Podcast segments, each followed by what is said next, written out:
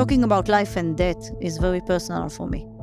Since I'm an emergency medicine physician and a family practitioner dealing with end of life care for most of my professional life, talking about trust between a patient doctor relationship is a major issue because it represents the essence of the medical practice.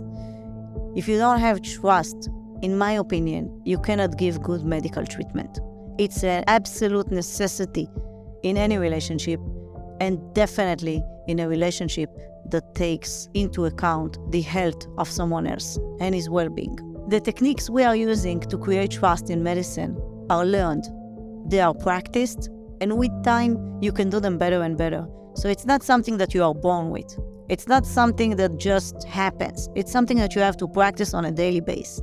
And it includes eye contact, it includes physical contact in the physical examination, for example, and it includes an empathic listening, which we have to practice on a daily basis in order to get to a situation where we can actually listen to the person in front of us and not just let him talk and be occupied with our own thoughts at the same time. We have to actively practice listening.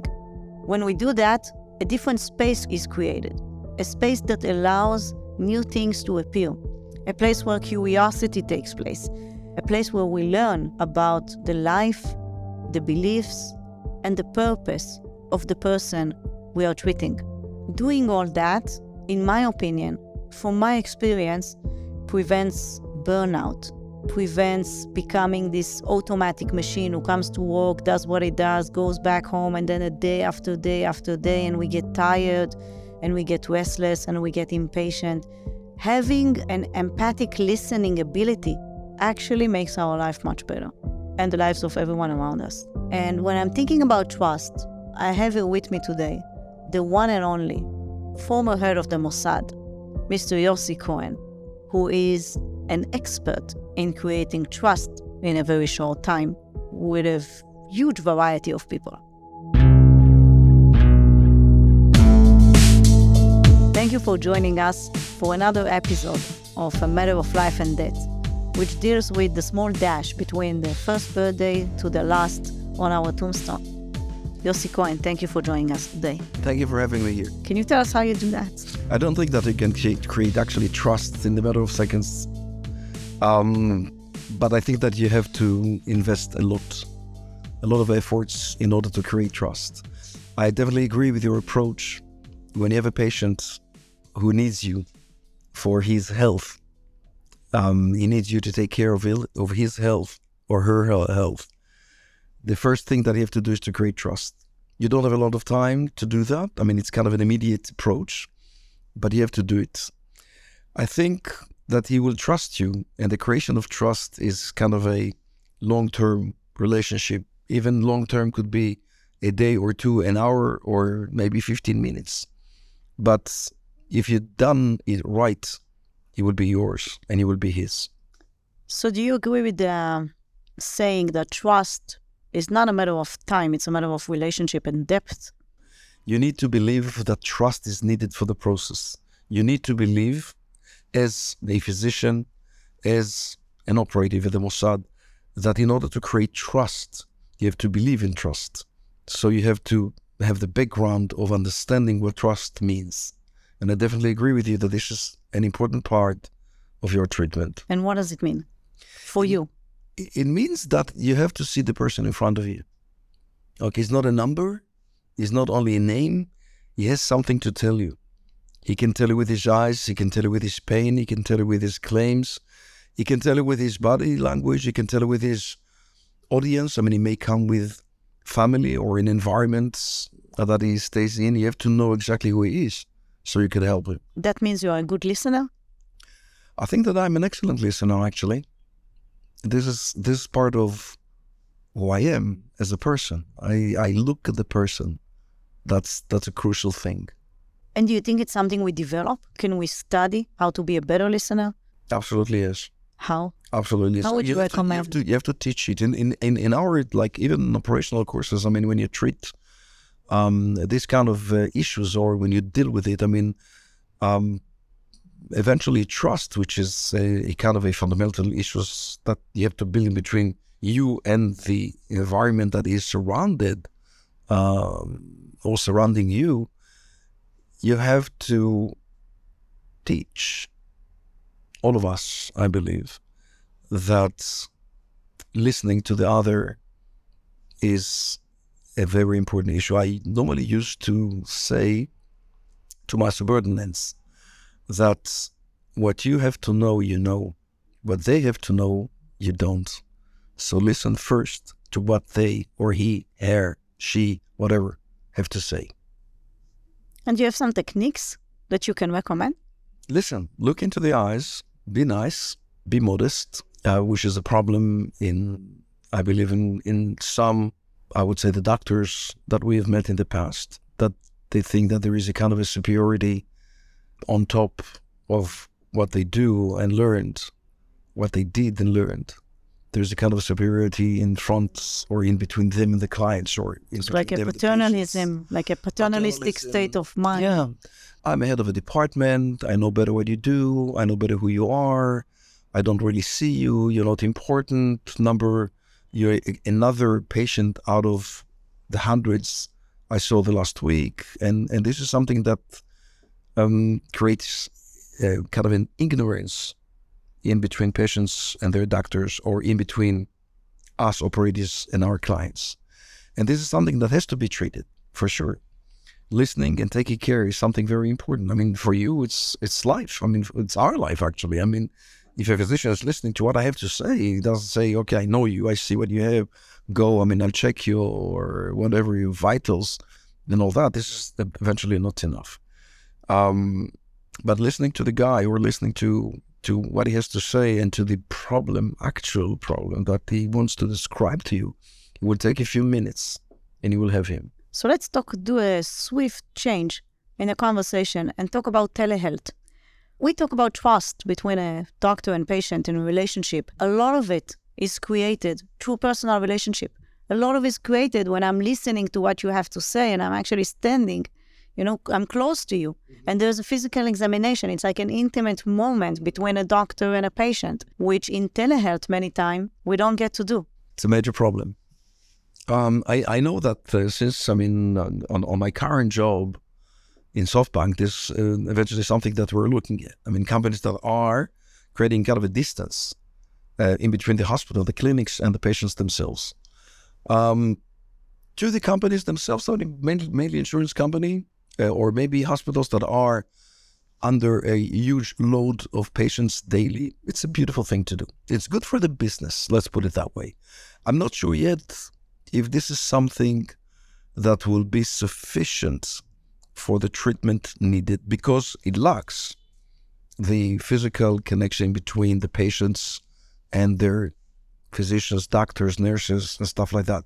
Some would go, I believe, into the uh, emergency rooms and stuff to to be treated personally, to engage with someone that could listen to the problem physically, maybe could touch their diseases or to touch their needs. Or their hearts. Or their hearts. Um, just by listening. Mm-hmm, correct, and correct, and I and I know that that, that the triage was which is taking few moments or could be an important step. This is something we're trying to do over the phone or over the internet today, like, as I said, telemedicine, which is eventually kind of a huge business that we are investing in. But I'm not sure about the long term outcome. Um, I know that some statistics are saying already that it is better. You get. I think you'll get a hybrid model at the end. You'll get a hybrid model saying you will have the telemedicine, and at the same time, you will have the ability to go to a physician physically and then you'll have to choose maybe sometimes you'll do you'll use telemedicine for some small problems maybe in other times for sure you'll go to the doctor for sure it has to be hybrid i mean i don't think telemedicine will replace the doctor or the physical meeting ever but, that, but then you have to investigate what was the reasons for us to create the kind of a telemedicine. I mean, what what is the story? What is it? Wow, it's very helpful. It's very helpful. And of course, that's that that's that's the main story. It is super helpful to the process itself. Yes.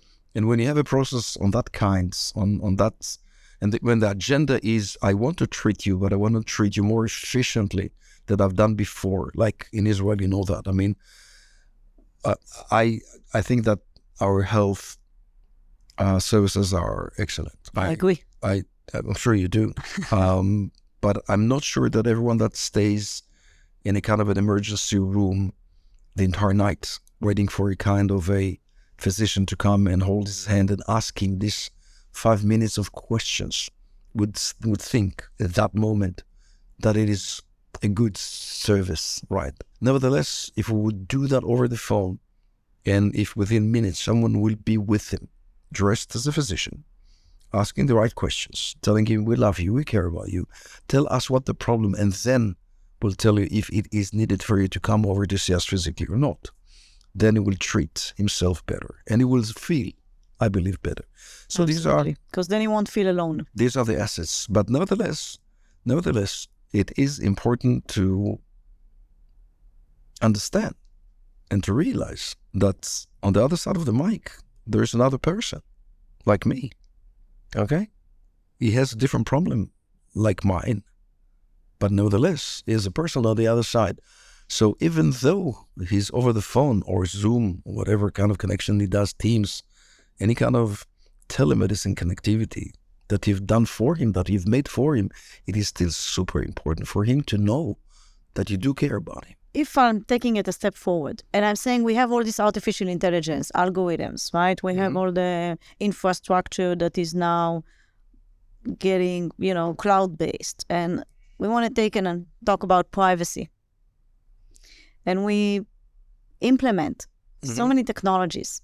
Right. How do you see cybersecurity in the health system in the future? Well, I, I think I think that you've asked two different questions with your permission. One is what do we do with this AI? Can we use it like telemedicine made by robotics uh, to serve the same service?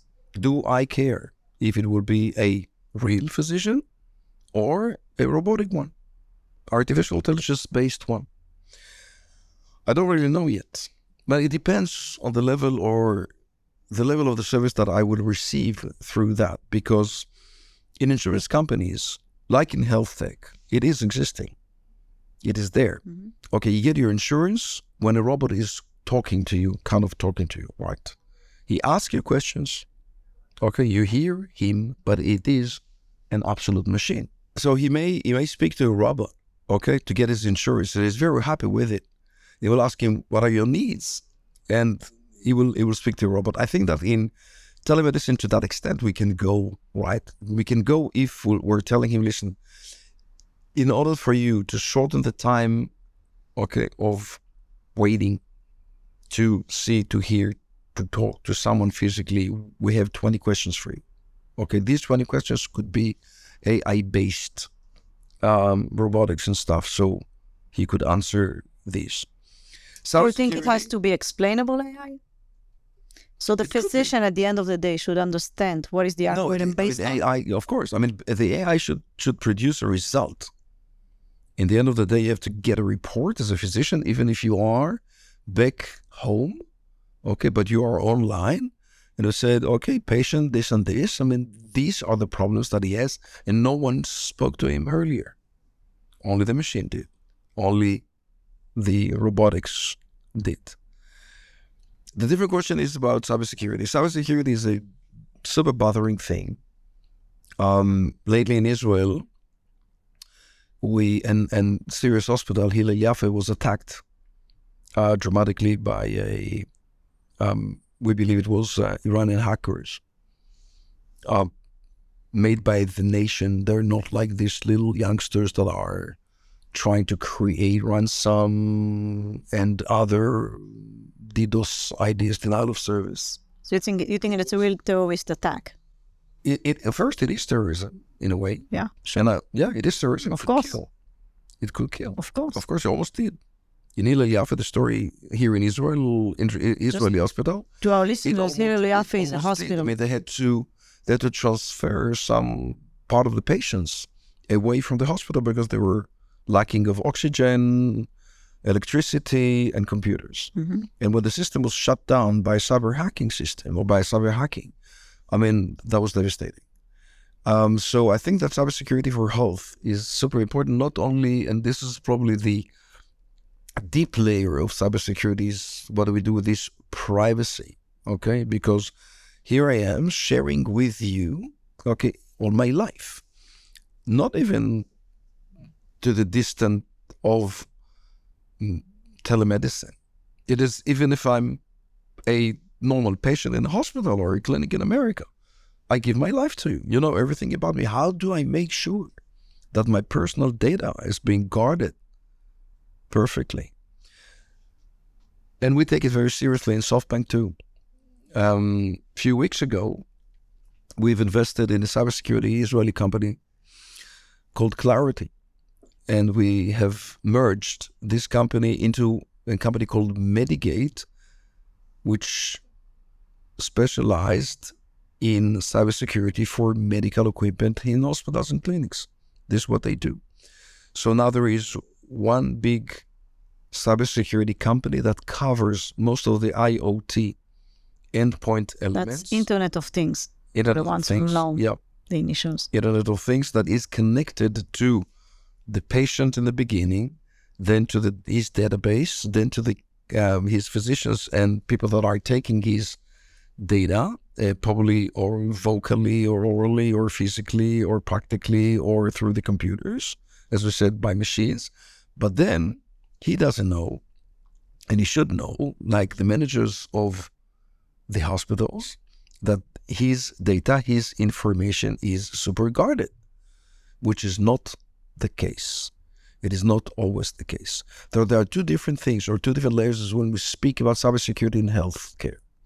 One is making sure that the hospital or the clinic will keep on working and operating even under cyber attacks. So it will be physically guarded. The second layer is what do we do with the intel that there is inside or the information of the personal information about the clients, our clients that are super sensitive. And you know from your previous experience that every system can be hacked, right? That's a fact. Everything, every system which is uh, to your point, yes. I think that you, you have to believe that if you have the right team and the smartness of the Israelis and probably some other nations too, that will create Yes, we have to talk about modesty, but okay. no, I mean Israel is, is very well known, but we're not the only ones. But Israel Israel is very well known on our uh, take capa- tech capabilities. I mean, it's, it's not a secret. It's not about modesty. It's about the reality. Results. It's, it's about, the reality and the results. I mean, you see the unicorns of Israel. I mean, I mean, it's it's uh, it, it's it's not rational to the number of or to the quantity of citizens that we are. Okay, but nevertheless, okay, be modest again. Yeah, startup nation. Startup. That's the one who is doing a startup. today, right? I mean, this is something very important to our existence. We don't have anything else, by the way. This is what we do. Okay, everything that you see, I mean, from the window, I mean, beside this truck, um, is is technology. This is what we have. We don't have enough resources. We don't have enough natural resources. Okay, we have a lot of sand, very few water.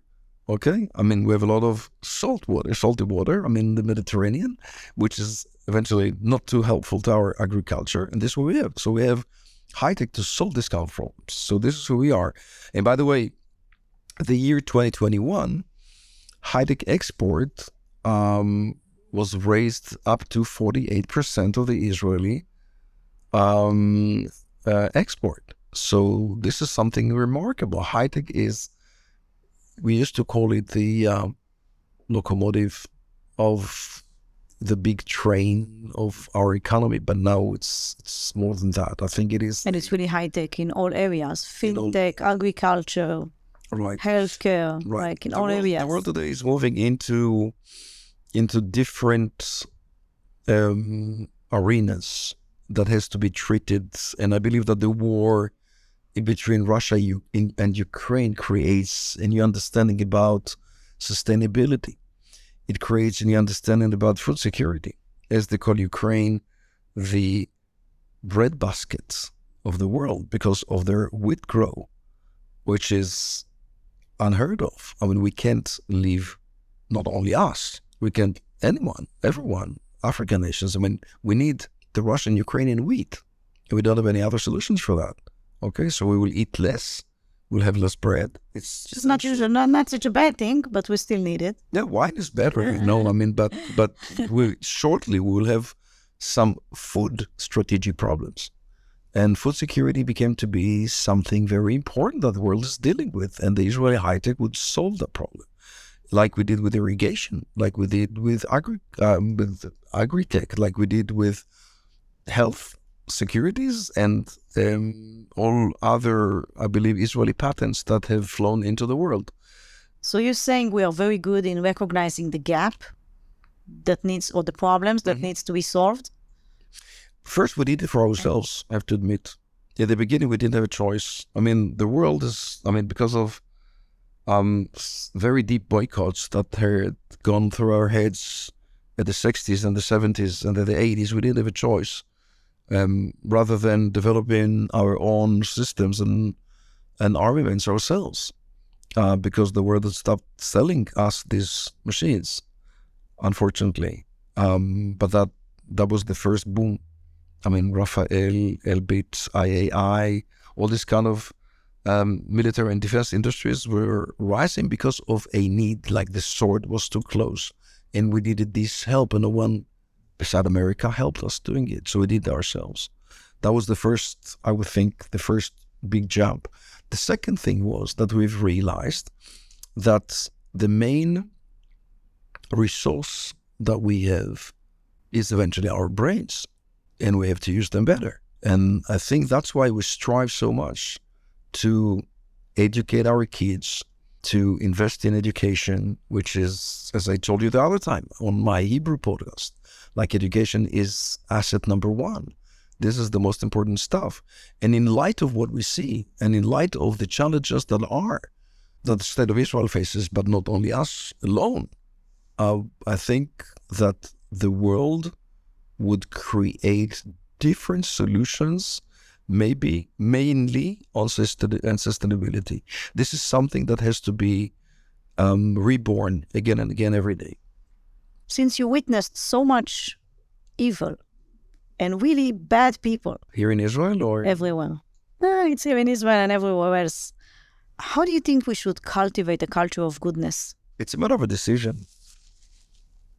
It's a matter of decision. I believe that that we um, could do much better. And you know, when when I often discuss the some would say the beauty of the job we've done, and we cherish security forces in Israel mainly that are guarding our well-being and stuff like that. I remind myself that all this was made because of other people's evilness. It's not a must that they will hate us. Right. It's not a must that they will decide that the state of Israel has to be annihilated. It's not a must that they will create a war against us or in between themselves. But people have decided to do so. But the same way they could decide to do the other way around, to go absolutely the other direction. And I hope that one day they will. So how much of it depends on us? Everything, all of it. On us human beings or on us Israelis? Both. On us human beings, everything, 100%.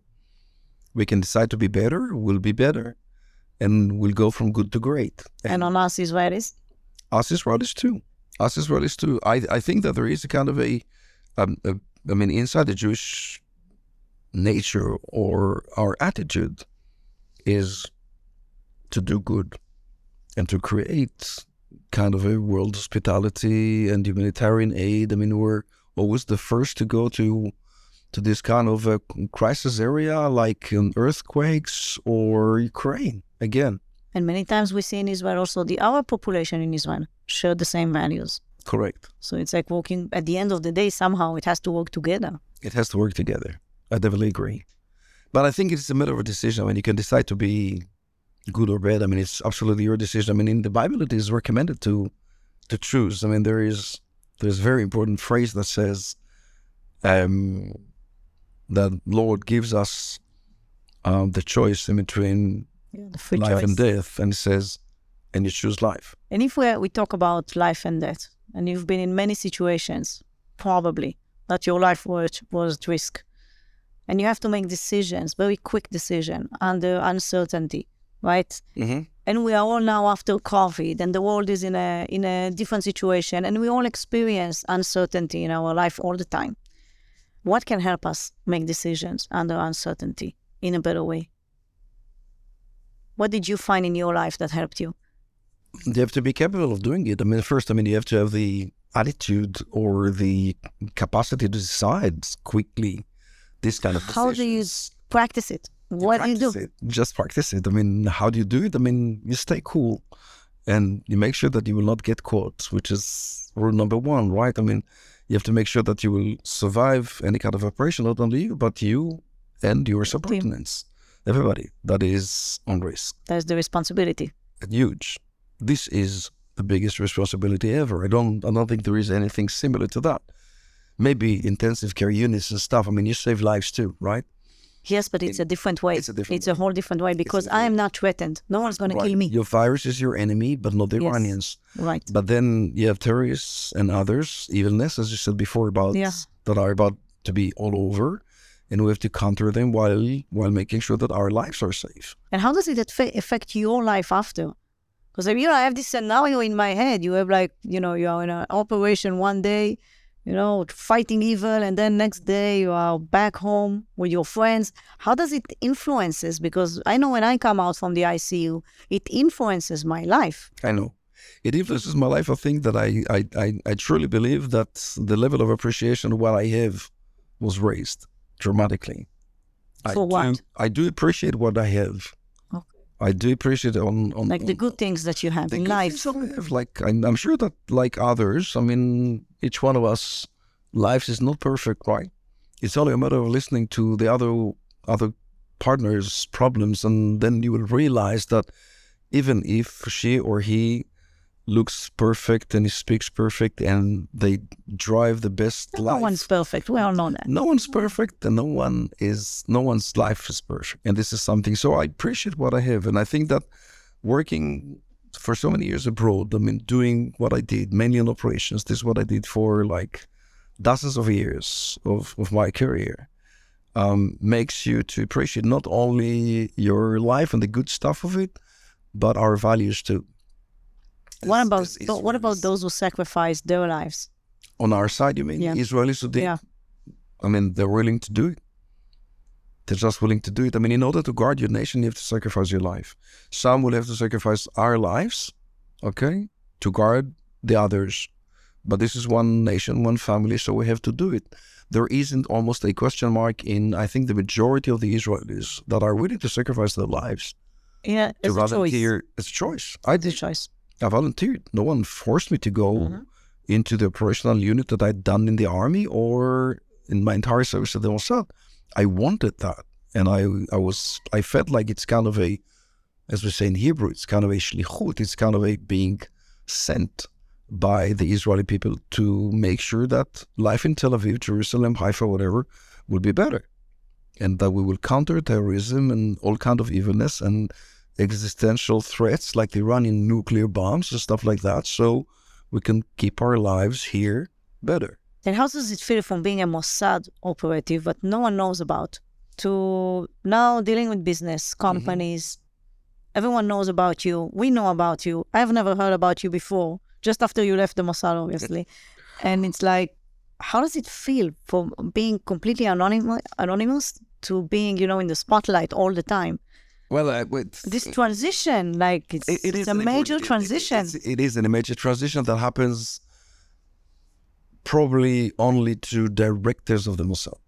Okay, the others, my subordinates, are still, even even on pension, they are anonymous.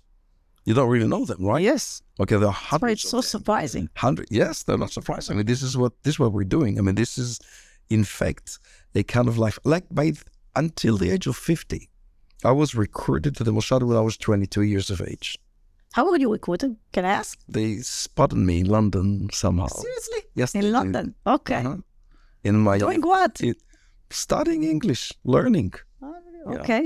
yeah trying to figure out what is present perfect and past continuous and all this whatever i mean things that i would never understand right i mean um and then and then I, I i just fall in love with what i do i love espionage i love spying i love the What do you love about it? it's it's, It's the risk, it's the adrenaline. yes yes of course i like it when my heartbeat is high. So the Um, adrenaline. the you should have been a doctor in the ICU. I may do that too. yeah, I mean, it is it is interesting because in English, operation is what I do and what you do. Right, You operate in the ICU. I operate in Iran. right. So, but, but we both operate situations. absolutely, and we don't make it with a lot of pain to our patients. So, Right. okay, we have to make sure that And we have do- to be professionals. uh, we have to be very super professional. So being exposed is, is not a great fun. I didn't actually like it because I was exposed in one day. I was deputy director of the Mossad by the age of 52. And then I was nominated to be national security advisor. And then I was exposed. It's from like from- from zero to one hundred. Yeah. From, I, I mean, you had my initials, Right. some descriptions about what I do and whatever other stuff. You know that I don't want to refer to that. Um, about who I am, but nobody really knew me, right? And then, well, here I am outside television, prime minister, National Security Council, traveling around, being all over, being seen on television. It was like uh, it, it was shocking, different, absolutely different. I the first thing I thought about is not about me being exposed, about these that thought that I'm someone else. It's not that they say that I'm. I must tell you, Totally it's, and different. sitting with you is so comfortable. It's always you always feel safe, like talking to you. There's such a warm, you know, and a, a human connection, and at the same time, I can't help thinking: is he handling me, or is it for real? Like at the same time, it all crosses you know. Because anyway, I mean, this is also your profession. I'll let you decide. You know, I, I even had this kind of a, a kind of a um, it was not a debate, but it was it was very fun with my commanders because not all of them are professionals to the same level, right? And one of my commanders um, was speaking to me. I was super young, and you and I and I told him, you know, I mean, there is there is a kind of a thing that I want when I want to get the right decision that is my way, and I want you to decide my way or commanders of the organization to go my way. Um, there is a way that I I do that. So you persuade him. And he was looking at me and he said, They're handling me now. "Are you doing the same the same stuff for me?" I said, "Go and find me." So I, I let you decide. is this is the real me, or this is kind of a car story that I do? So, that I'm very Well, for me, the feeling is the same because I feel, you know, I'm happy sitting with you. It's interesting. It's it's Right. personal. I, well, I, I I think this is me. I mean, actually, I'm not playing here. I mean, this is this is why I am. I could be very tough. I to- Obviously, Yeah, could be very tough. I could be uh, kind of a whatever, not nasty. I know but- some twelve-year-old girls who can be very tough also. Yeah, I know, but so uh, you know, I would be it's, uh, tougher. very difficult to Twelve years old girls are the toughest. The toughest, exactly. So you know, I have so two once you girls and two compare- boys. I mean, many differences that I can refer to, but uh, they're okay. They're smart they're good. They strive, they fight. Both are mothers. and it's a different kids. generation. So th- I, yeah, but more the same. I mean, when you read when you read the Bible, and I'm I'm kind of a kind of a reader. I'm not only a listener. I'm, I I read a lot. That's good. And and when you go to our history and you see things and you see and I read a lot of philosophy and when you read um, actually ancient philosophers like the Greeks one and and Kohelet, like it was King Solomon um, who wrote it, and you see that we're all the same. I mean, at, at least the last four thousand years, we want the same, we feel the same, we have the same. The only thing that has changed actually, okay, is the level of freedom and democracy. Okay, we got rid of dictatorships. I mean, from the old times you think it's the best And- way, by the way? and technology. Yeah, democracy. I think like as a system is the well, best if, way? If I can refer to Aristo, okay, Aristo divided the world of leaderships or the world of the polis, as he called it, into two groups: the good systems and the bad system. Democracy is on the bad side of it. Okay, because he he was asking the main question: What do they know? What's good for them, the people? But I think that even the people, I mean, the, whatever, if there is something that we call the smallest citizen, okay, he has his own feelings. And these are the people that we have to listen to. Exactly like in medicine. Okay. It is not important only to listen to commanders, chiefs, CEOs, directors, physicians, PhDs, directors, the Mossad, and stuff like that. These are people who've done that already. But listen to the others that have a lot to say and let them choose their way of of the current nation. And, in I know in the Israeli sense it's very problematic, but we're not the only ones that it is like democracy creates a lot of troubles, but it creates Of course, it's an average. At the end of the day. It- democracy it is it is is an average, always, because you take the the voice of everyone, and you will always get an Dem- average democracy is an average because by definition. by Just the system is an average. correct. If you compare don't it to a really have very good board- king, for Right. example, if you have a very good king, you know, that serves his people, hmm Correct. that That's is king. intelligent, That's a king then. yes, Yeah. that's I like mean- I mean- glorious. and if you I take mean, a bad king, then it's a ago I had- disaster. I had, lunch, a With the lunch on it king. together. No, with the king, but almost. I mean, with with his subordinates of King of Bahrain. It's amazing that you say it because uh, we were there actually, and, and we had such an amazing time there, and his people love him very much. True, he's an absolutely good king. Okay, for his own people, under threats from the Iranians. Um, super nice guy, and I told his ambassador here. I said, if you have a king of that style, I wish we had one. Absolutely. I must say, we said the same after we visited Bahrain. Right. What do you do there? Uh, we do research together. We are working in research with all the Emirates, Mhm. uh, promoting research in the Middle East. I think it's very important Okay, for the peace process. Okay. I think it's important for medicine, It is. and it creates the relationship between people. Absolutely. I mean, the, the thing that I'm mostly proud of, I mean, not only the operations we did and the success, thank God that we had, but that we fought for peace. Always. The war for peace, and we did. I mean, we have that. We're every, every course is like you can have vacations in Dubai and stuff. And the leaders there told me one day, they said before the agreement, said, okay, soon we can have you Israelis as tourists. I said, you would regret it.